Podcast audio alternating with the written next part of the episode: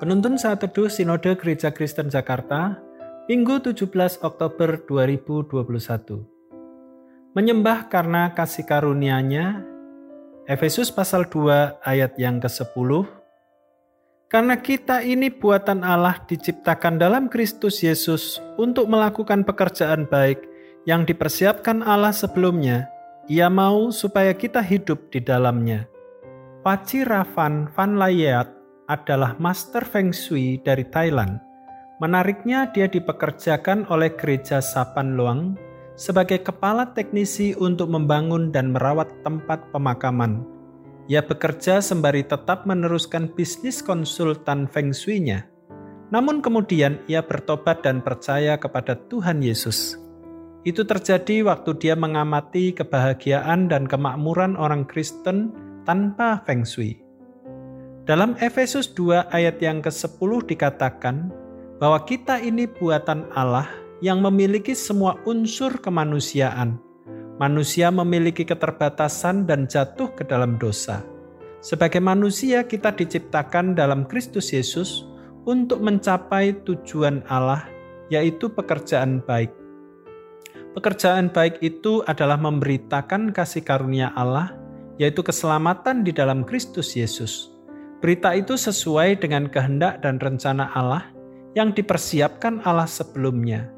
Frase "Ia mau" supaya kita hidup di dalamnya berarti kita harus tetap tinggal dalam Allah. Kita mendekat dan melekat kepada Allah di setiap waktu, situasi, kondisi, dan setiap aspek kehidupan kita. Pekerjaan Allah adalah memberitakan Injil anugerah keselamatan dalam Yesus Kristus kepada setiap suku, bangsa, dan bahasa di seluruh bumi. Tujuan akhirnya supaya semua bangsa mengenal Yesus Kristus, bertobat dan kembali kepada jalan dan rencana Allah, supaya tidak ada seorang pun yang binasa, melainkan beroleh hidup yang kekal. Jiwa-jiwa yang diselamatkan hidup berkenan kepada Allah dengan menyenangkan dan memuliakan Allah. Jika seseorang diterangi dan dituntun oleh Roh Kudus kepada kebenaran Allah, maka akan terjadi pertobatan. Pertobatan berarti menerima Yesus Kristus sebagai Tuhan dan Juru Selamatnya secara pribadi.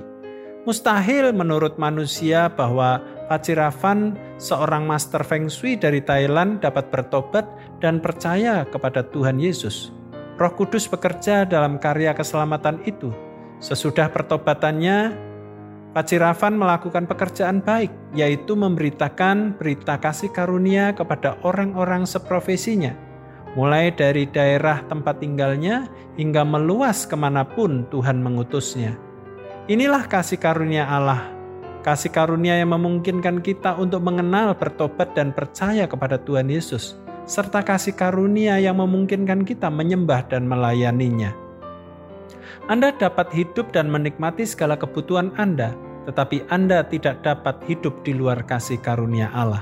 Tuhan Yesus memberkati.